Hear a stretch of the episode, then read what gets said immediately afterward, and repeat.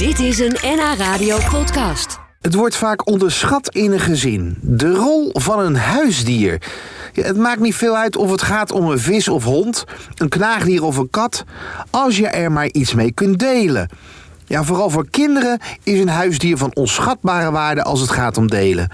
Delen van verdriet, delen van geheimen en delen van liefde. Een huisdier is volgens opvoed- en gezinsdeskundige Marina van der Wal dan ook erg belangrijk bij de verdere ontwikkeling van een kind. Sjoerd, Ja. laat jij de hond even uit? De hond uitlaten? Hoezo moet Ja. ik de hond uitlaten?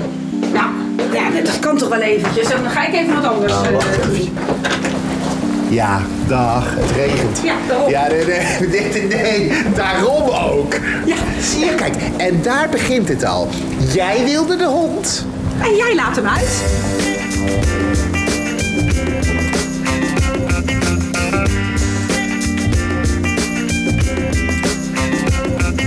Ik zeg dus nu keihard tegen mijn vrouw, nee. Nou, ruzie. En terecht. Ja, je hebt niet altijd gelijk, Sjoerd. Nee. Eh, in principe is het voor kinderen heel erg goed om te leren, om te zorgen voor iets of voor iemand. En het, het zorgen voor een huisdier eh, helpt ze om, eh, om zich in te leven in, iemand, in iemand anders. Hè. Van, het, het konijn heeft honger, dus het konijn moet eten. Daar moet ik voor zorgen. Het zorgt er ook voor dat ze een taakje hebben. Dus dat ze weten dat er minder leuke dingen toch echt moeten gebeuren. Bijvoorbeeld het hok leegscheppen. En je ziet ook dat voor heel veel kinderen... dat een huisdier toch wel een hele veilige plek is... om al je geheimen te vertellen. Is dat het?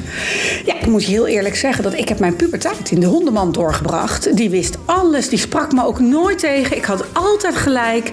En dat is voor kinderen wel een groot... Het is een veilige haven. Het is een veilige haven. Het is, eh, ja, het is, het is, een, een dier geeft jou altijd gelijk. Een dier oordeelt niet. En een dier is ook altijd blij eh, als jij weer binnenkomt.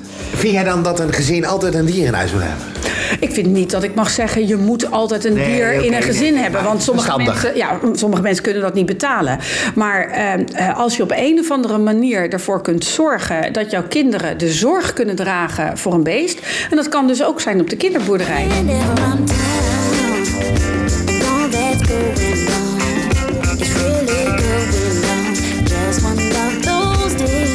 Er komt natuurlijk een moment dat het dier overlijdt. Ja, Hoe moet je daar als gezin mee, eh, zeker met jonge kinderen, hoe, hoe doe je dat? Het, het overlijden, we hebben het pas geleden gehad. Het overlijden van een dier is echt heel erg voor kinderen.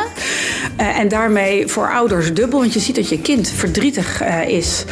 Maar het leren omgaan met de dood. Eh, dat, eh, is voor, eh, dat, dat is wel heel belangrijk om dat kinderen ook te leren. Dat eh, afscheid nemen, dat dat heel erg verdrietig is. En dat tegelijkertijd het leven doorgaat, inclusief de feestjes. Ja.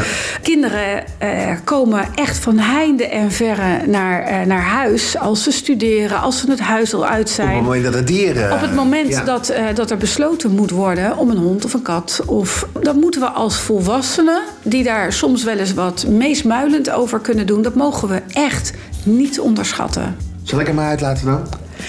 Hup. Dit weer? Ja, Het is niet anders, hè? het is niet anders. Je hebt ja gezegd.